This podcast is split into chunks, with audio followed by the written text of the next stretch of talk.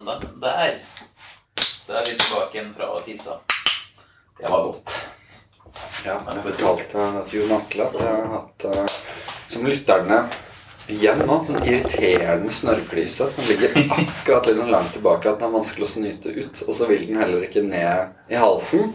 For de som er opptatt av sånn. Så hvis man plutselig er sånn Så er det nok den, da. Ja. Så da kan de som er litt sånn OCD sitte og bare fortvile seg over dette. Kleppe ut den og lage en sånn tolvtimers YouTube-klipp med noe som er greier.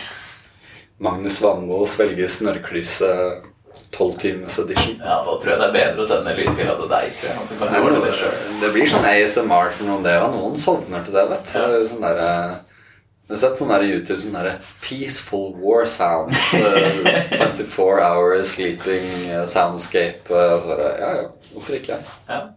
Vi har alle vært Jeg pleide å, apropos som vi snakket om eh, black metal og sånn, jeg pleide å legge meg og sove til sånn eh, ekstrem sånn derre Jeg husker det var Mayhem, Chimera sitt album, og så var det et eh, liksom sånn death slash black metal-band som heter Myrkskog, Ja. med et album som heter Death Machine. Der også var det noe sånn veldig heftig greier. Så det da jeg var sånn angsty tenåring, så var det liksom da jeg skulle legge meg, så var det sånn bare ned på puta, og så bare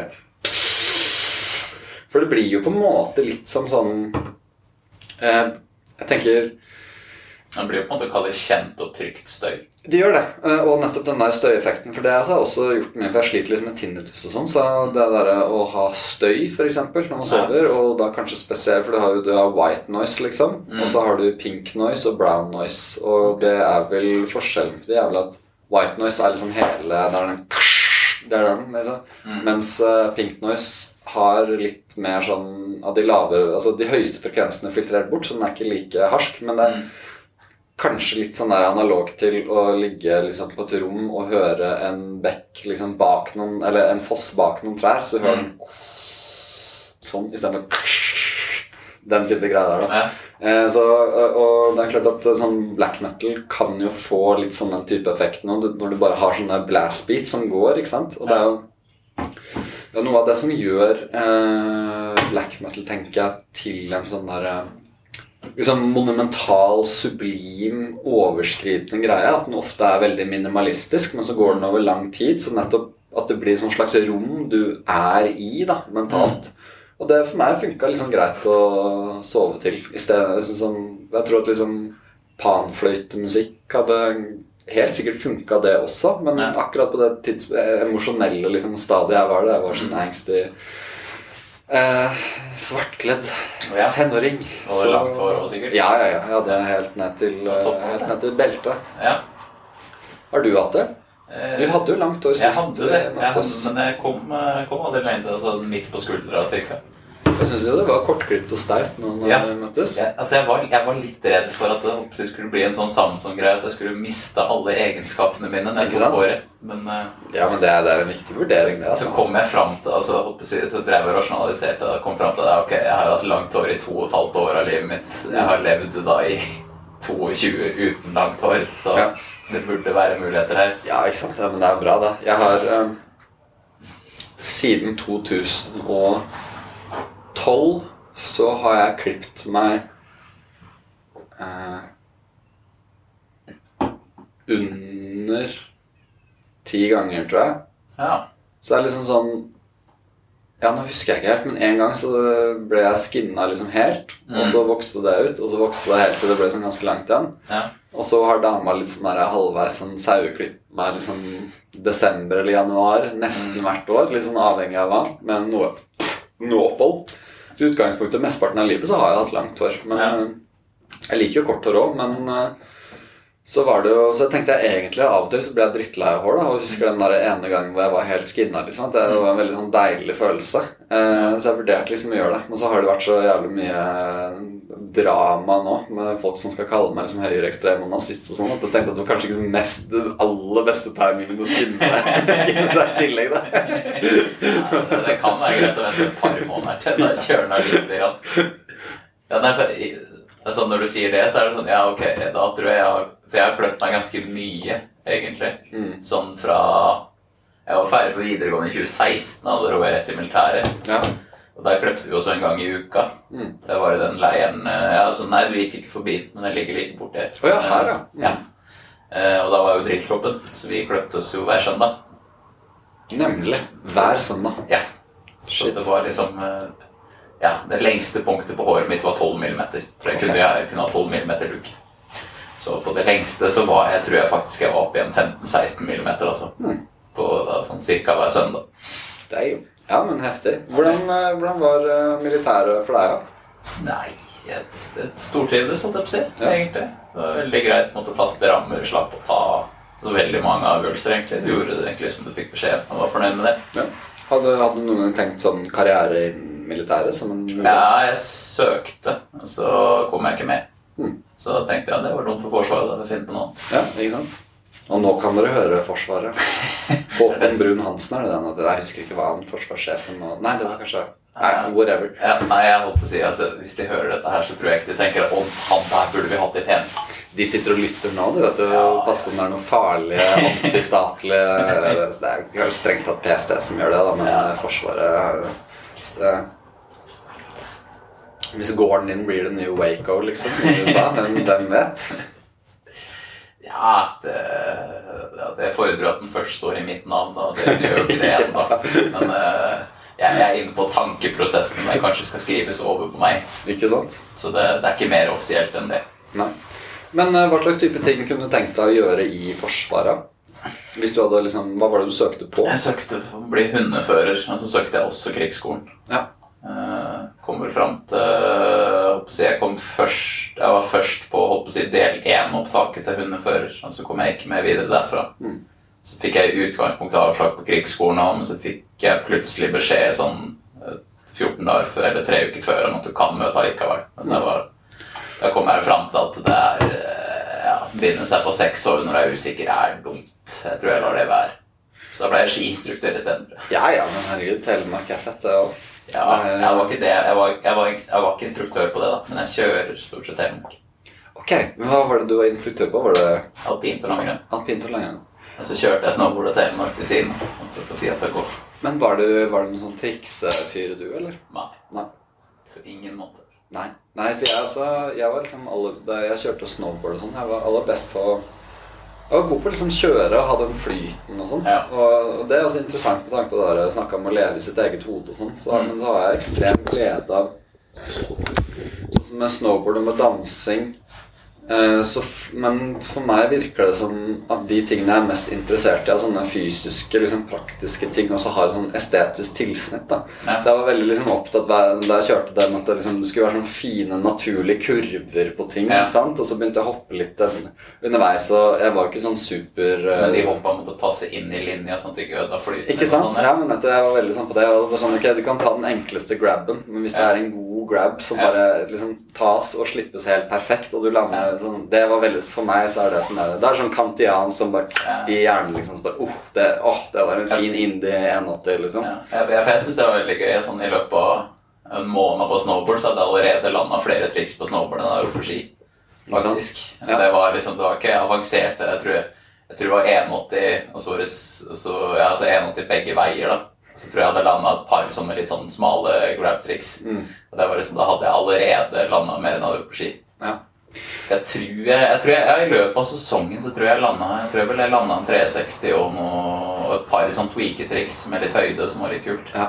Altså at uh, armene dine går en vei mens beina går en annen, og så bare holder du den posituren mens Ikke du svever nedover. Ja, men Det var liksom rundt der jeg var og kjørte noen 360-er og noen shifties. og liksom sånn Ja. Men jeg kom meg aldri helt opp til de gutta som drev og altså Han derre Markus Kleveland, eksempel. Sånn, Mm. cab 1440, en million rotasjoner i flere akser samtidig. Ja. Bare sånn, ja, ok, liksom, noe Apropos sånn jungiansk personlighetsgreier og sånn, det, han ville jo ofte liksom karakterisert eh, Og for å da knytte en link, da, for å prøve å være litt grundig her Ja. Eh, når vi snakker om liksom Howard Gardner og multiple intelligences, som vi også relaterte til IQ, hvor IQ da er en sånn paraplygreie, og da gå tilbake til Jung, som også egentlig er sånn human nature, genetisk bestemte, bla, bla, bla, når han snakker om da personlighetstyper Vi snakka jo om kunnskapens Don Quote, ikke sant, ekstraart intuisjon, men du har også ekstraart sansning, f.eks. Ja.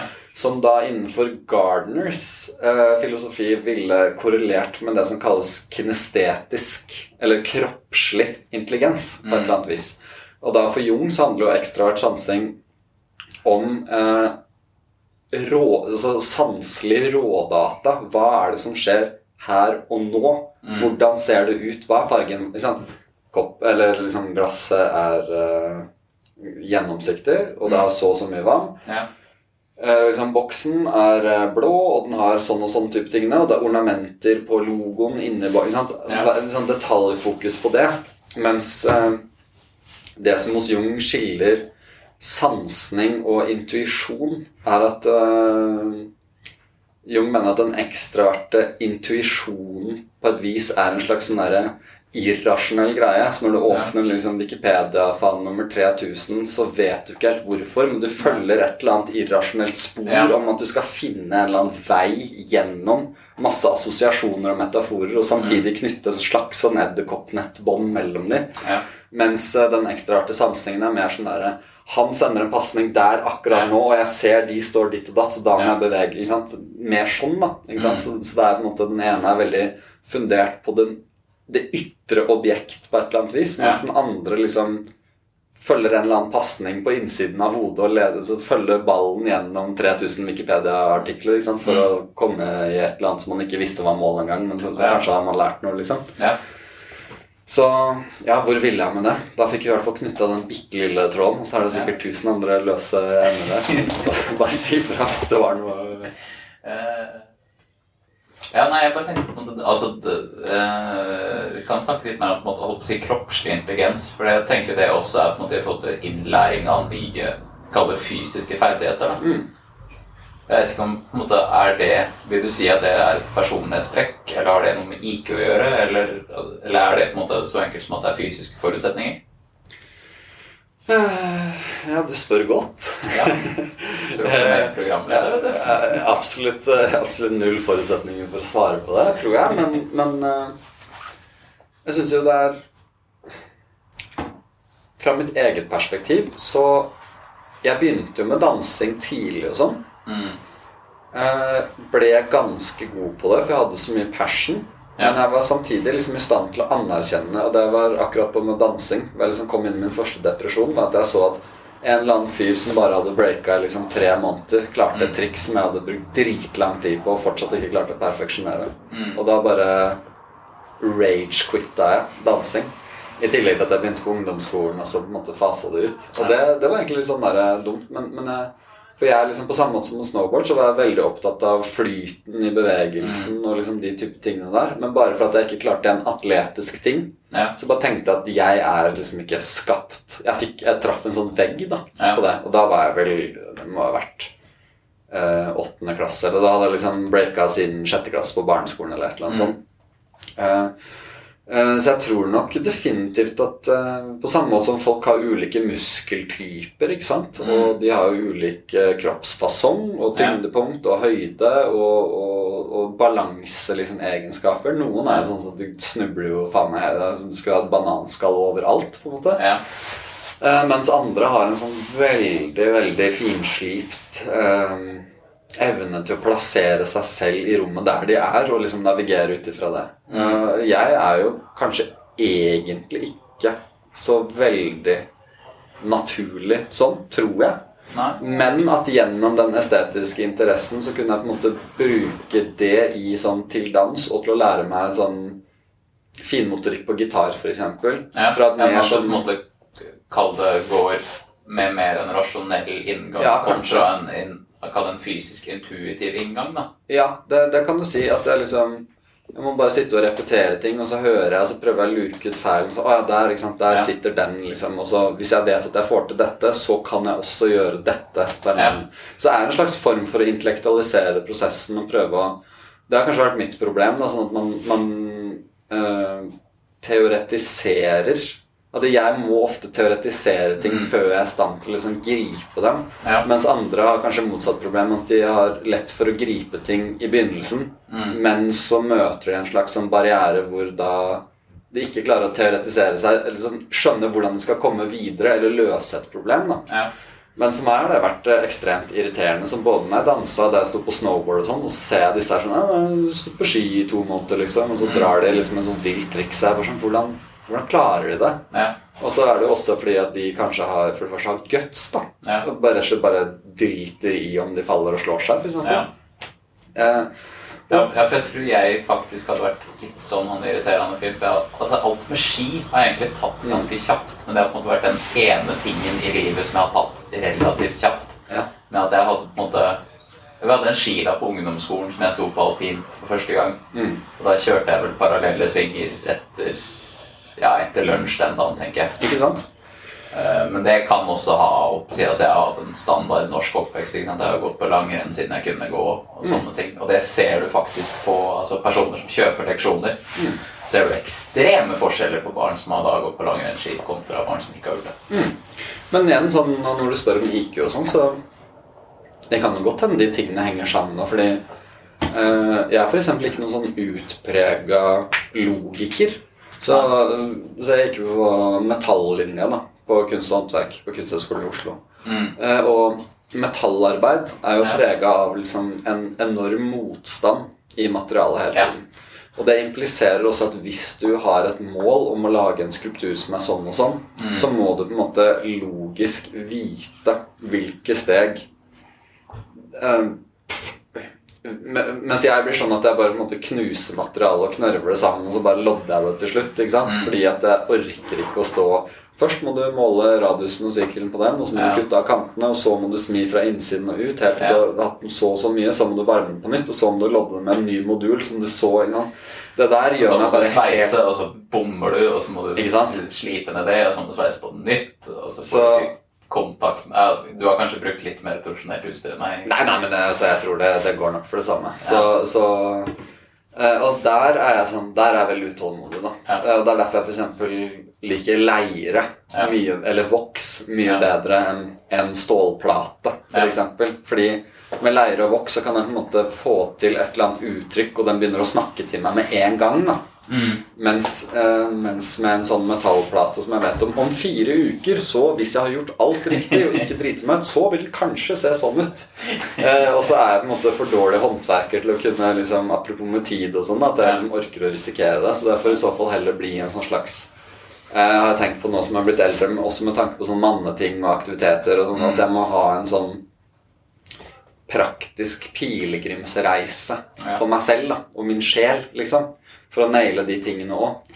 Fordi jeg liker de eh, materialene som er såpass plastiske, liksom fleksible, at jeg kan liksom komme inn med en gang og bare bruke intuisjonen min og følelsen min til å måtte, eh, modellere det. Ja. Men med en gang det er masse liksom sånn derre eh, sånn På sløyden og kappe og måle og bare hater det, liksom. Men kjæresten min er superflink. da Hun er sånn sånn, Kunne godt vært møbelsnekker, f.eks. Og Mm. alltid sånn der hvis vi skal lage noe hjemme, så er det sånn til slutt at det er bare sånn der Nei, du må bare gå vekk, liksom. Du, Jeg bare står, står med en hammer, liksom, og jeg hjelper til. Og så er det bare sånn Nei. Magnus gå og koke kaffe. ja, ja, ikke sant? Så, nei, men, så, så det er definitivt eh, det. Fra et jungiansk perspektiv Mm. så klarer de å forklare dette her veldig logisk, og så kan man jo på en måte tro på det eller ikke. da. Ja. Men da, har, da ville du f.eks. hatt en sånn her idé da, for eksempel, om det som i Myers-Briggs kalles en ISFP, da, som betyr i jungianske termer at dine liksom, hovedkognitive funksjoner er introvert følelse, som går ned liksom, til ekstrovert sansing, introvert intuisjon og ekstravert tenkning. Og da eh, Hva vil dette her si sånn praktisk for hvordan du opplever verden? Eh, nei, for eksempel, sant, da, da har man jo eh, ganske høyt oppi denne lille totemen som jeg skisserer ut, så har man jo dette her med, med ekstraart sansning, da. Som går på nettopp dette her med å måle og forstå materialiteten og forstå det rent sånn fysiske rådataen. Ja. Og så bruke Så først så har man jo den der introverte følelsen og det derre at man vil gi ting sitt personlige uttrykk, som du da gir gjennom å manifestere det fysisk i form av objekter. ikke sant? Du lager slags sånn spirituelle følelsestotemmer som du tilvirker fra din egen lidenskap. Og så har du da kanskje introvert intuisjon, så du har en slags irrasjonell evne til å kunne se for deg Ok, nå er trendene sånn og sånn. Hva vil være på moten om to måneder? på en måte, At man, man ligger liksom litt forut. Og så til slutt så bruker du da ek, ekstravert tenkning som går på det der klassiske vesle sånn rasjonalitet, effektivitet, skjemaer, tabellinjene. Og så jobber de sammen i en sånn skjønn harmoni, så at det, det å liksom snekre seg en stol da, blir både en veldig personlig reise, men også et godt håndverk. Ja. Men hos meg så altså skal jeg ikke skylde på det for manglende kunnskap. bare så det er sagt, Men for meg blir det mer sånn Jeg kunne gjerne tenkt meg å lage et musikkinstrument. Ikke sant? Det hadde jeg en sånn idé da jeg gikk på forskole før jeg begynte på kunstskolen. Og så holdt jeg på. ikke sant? Og holdt på å liksom bli uh, Skulle bruke en sag, og det var jo like før det var noe som gikk alvorlig galt med det. Og så bare null sånn fysisk forståelse. Og der er min sånn logikk, eller kall det IQ, da, da blir jeg liksom veldig Ja. usikker på om jeg trenger noen sånn special training-opplegg. da uh, Og så ender jeg liksom opp med nå skal jeg lage et sånt kult resonansinstrument med liksom ditt og datt og strenger, og de skal resonnere, og skal jeg ha springfjær, så instrumentet har sin egen klang. Altså, teoretisering. Ja. Og så skal jeg gjøre det i praksis, så ender jeg opp med en planke med to spiker og en strikk. det tror jeg illustrerer ganske Jeg, godt. jeg, jeg, jeg kjenner meg egentlig veldig godt igjen i det, faktisk. Med sånn på en måte, I hvert fall hvis jeg plutselig må begynne å betjene verktøy jeg ikke har vært borti før, så er på en måte mine tanker om hvordan jeg kan få gjort dette her, er veldig mye høyere enn det, enn det fysiske gjennomføringsnivået.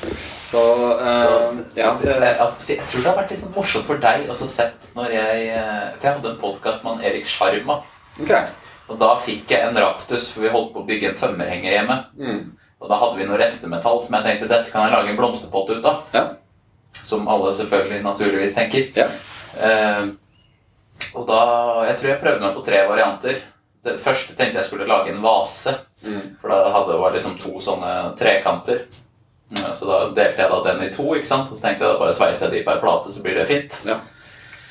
Og så målte jeg jo ikke det 100 da, ikke sant? så jeg tenkte ja, disse holder seg sikkert sammen. Og begynte å sveise, ikke sant? Og da smelter du bare bort, så det ble et sånt høl da, mellom den ene trekanten og den andre. Og tenkte ja, ja, men da skjærer vi av en liten en der, og så sveiser vi på den lille klatten her. og så når du begynner å klatte på sånn med sveiseapparat, det blir bare dritt. Det funka ikke i det hele tatt. Mm. Nei, altså jeg hadde da I den situasjonen så hadde jeg nok vært en sånn klatter og forutsatt at det var eh, nok materiale tilgjengelig, så ville jeg nok bygd liksom den potta med å liksom prøve å gjøre ting sånn halvveis så godt jeg kunne. Og så resten av det som ikke var sammen, sånn, så ville jeg bare måte smelte et stykke oppå der og bare sveise over. Og så ville jeg på en måte For det, det er da min sånn greie. Det har vært liksom mye musikk og sånn, det å ta feil og gjøre feilen bevisst, og så gi det et estetisk preg.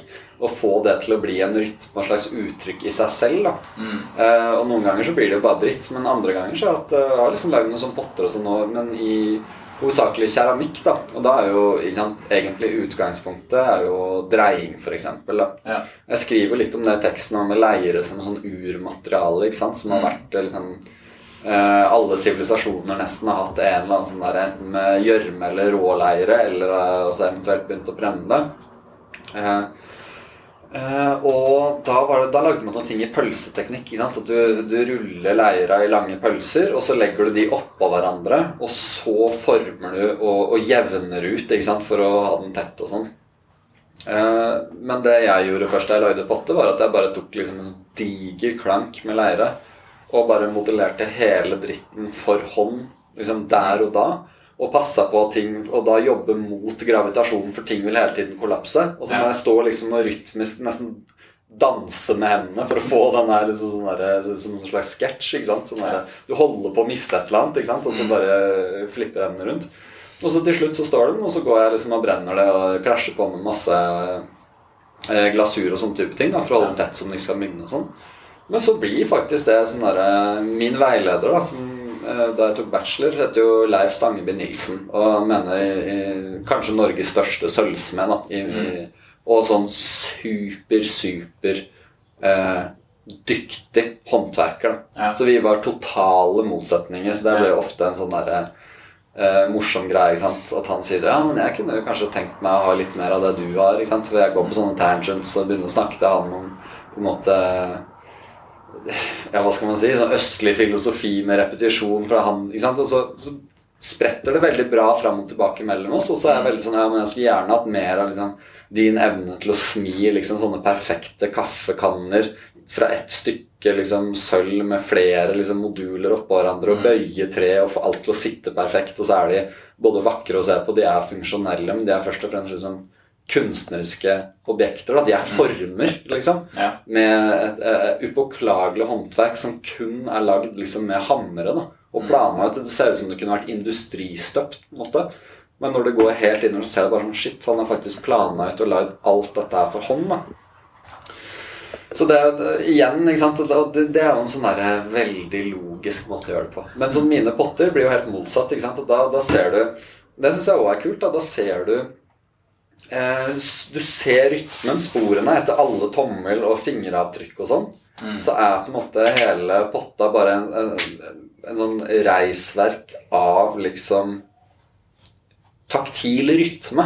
Mm. I, kanskje på en måte som ser litt sånn shabby og sånn wonky og litt sånn rar ut, men den har fortsatt et preg og en karakter. og Avhengig av hvilken vinkel du ser det fra, så er det nye detaljer og ting i, det, i dette her mønsteret som oppstår naturlig på et eller annet vis da, fra selve handlingen. Så det er liksom Du ser på en måte både på en idé og en handling, men samtidig også et helt konkret, da, apropos ekstravert sansing, et objekt som står der og faktisk har en funksjon, og, og det funker. Men det er bare laget på en helt feil måte. da, Ja, men hvis vi skal se kalle det litt sånn esoterisk på det, så er det jo på en måte Du ser på en måte den rytmen som har ført deg inn i dette Kall det dette åndelige universet, som igjen på en måte får det produktet du skaper til slutt. Og Det er derfor jeg var så opptatt av, eh, av nettopp da disse vasene, eller potteformen, som Ja. også er en arkaisk form i et arkaisk materiale, som da er leire. For da, det er jo ikke den, den potta er ikke bare en vase, på en måte, eller en sånn En, en beholder er et bedre ord. En Ja. Fra denne planta som står oppe der. Mm. Men det er også en slags beholder og en portal nettopp til den der åndelige dimensjonen da, av den Ja. kunstneriske skapelsesprosessen. Så jeg synes at det var en sånn Når jeg snakka mye med Jan Ove og sånn, eksempel, om da den derre kantianske splittelsen hvor kunst og håndverk går i hver sin vei. Eh, så det er kanskje mitt sånn forsøk på å, å komme litt inn i begge deler igjen og finne en sånn forening i det. da At både det, det praktiske nyttefunksjonen er eh, viktig. Den skal fungere, liksom. Men det er samtidig også et liksom et høyt sånn konseptuelt, prosessbasert tilsnitt der. ikke sant? Og så får du på en måte litt av begge verdener. da. Den er røff og sånn, men det er samtidig liksom interessant nok å, å Ja. se på. Ja, ja. Men det er jo på en måte sånn som jeg har forstått, i hvert fall holdt på å kunst, så er det på en måte eh, Hovedforskjellen ligger jo egentlig ak Oi. Nå slår jeg ned mikrofonen her òg. Nei, men altså opp mot akkurat det du beskriver, at det er på en måte en verdi som anses som høy i kunsten, med på en måte prosessen, og det er spennende. Cool. Mens i kitsch, så for å si det på godt norsk, sier du flatt faen i hva du gjør, så lenge resultatet blir godt. Absolutt. Og jeg tror du- ikke det er sånn eh, holdt på å si, Jan Ove Tu ville forklart. Nei det, det, nei, det tror ikke jeg heller, men, men det er jo noe sant i det. ikke sant? At det er um, Det er derfor jeg har uh, høy respekt da, Ja. for uh, egentlig alle de som Ja. jeg har møtt i, i det kitchen-miljøet. Uh, For de snakker jo gjerne med meg. Ja. Men når jeg har snakka om det, det her på Kunsthøgskolen, så er det nesten litt sånn der med en gang man nevner liksom at uh, jeg hadde en samtale med Odd Nerdrum, f.eks., eller, eller Jan Ove om kitsch, så er det liksom sånn Ja, ja, det kan man gjøre, men det er så gammelt og, ja, altså, Så kommer de der avfeilelsene, da, Mm. som for meg Jeg er på en måte interessert i å se på kitsch. Både Mm. fra et håndverksperspektiv, selvfølgelig, for det, det er noe som jeg ikke klarer. Det er noe som er imponerende for meg å være vitne til. Men også fordi at det også kommuniserer. Ikke sant? En sånn mytologisk, universell greie. Og det er jo temaer konseptuelt som jeg er veldig interessert i, i om jeg jobber musikalsk eller hva enn annet. ikke sant? Så at jeg føler at det er en viss eh, sammenheng der med tanke på dette vi snakka om eh, behovet for å skape. Mm.